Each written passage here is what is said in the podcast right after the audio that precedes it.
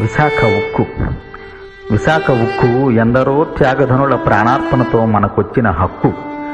నేడు ప్రభుత్వ నియంతృత్వం ఆంధ్రుల అసమర్థతను చూసి ఆ త్యాగాత్మలు ఎంత క్షోభిస్తున్నాయో ఎంత సిగ్గుపడుతున్నాయో. విశాఖ ఉక్కు ఆంధ్రుల హక్కు అంటూ దేశ దిక్కులు పిక్కతిల్లేలా సాగించిన పోరాట ఫలం మన విశాఖ ఉక్కు నేడు దిక్కు లేక బిక్కు బిక్కుమంటూ గుక్కపట్టి ఏడుస్తుంది.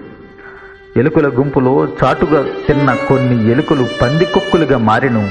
మిగిలినవన్నీ బక్క చిక్కి దిక్కు మొక్కు లేక తిరుగుబాటు మరిచి తిండి కోసమే వెతుక్కుంటున్నట్టు నాయకులలో చాటుమాటుకు తిండి మరిగిన పంది కొక్కులు కార్పొరేట్ పంది కొక్కులకు కొమ్ము కాస్తూ ప్రభుత్వ ఆస్తులన్నీ దారాదత్తం చేస్తున్నారు.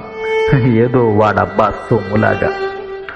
ఆంధ్రులు నిజంగా సాధు జంతువులు అందుకే కాబోలు రాజకీయ చదరంగం మొదలుపెట్టి రాష్ట్రాన్ని విడగొట్టి కళ్ళబొల్లి మాటలతో కాలాన్ని కరగబెట్టి ఆంధ్రులను అంధకారంలోకి నెట్టి ఆడుకుంటున్నాయి ఎన్నో రాజకీయ పార్టీలు ప్రత్యేక హోదా అన్నారు ప్రత్యేక ప్యాకేజీ అన్నారు వాటన్నింటినీ ప్రక్కన పెట్టేశారు.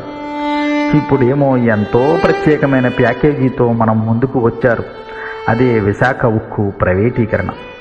ప్రభుత్వం దేశ అభివృద్ధి కోసం ఎంతో ముందు చూపుతో ఆలోచించి నష్టాల్లో ఉన్న అన్నింటినీ ప్రైవేటుకు అప్పగిస్తుందట. మళ్ళీ వాటికి ప్రాణం పోస్తుందట. మరి మన ప్రభుత్వం వల్ల ప్రజలకు నష్టం వాటిల్లితే మనం కూడా ప్రభుత్వాన్ని ప్రైవేటుకే కదా అప్పగించాలి. అందులారా మర్చిపోకండి.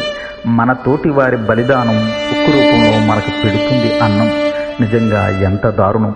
ఎప్పటికైనా ఆరంభించండి అడుగు వేయండి. ఈ రోజు నువ్వు మేల్కోకపోతే రేపు మేల్కొన్నా మిగిలేదేమి ఉండదు.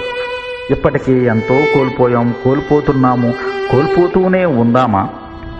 లేక నాలుగు కోట్ల మంది ఒక్కటై నిలబడే విశాఖ ఉక్కును తిరిగి సాధిద్దామా? ఆలోచించండి.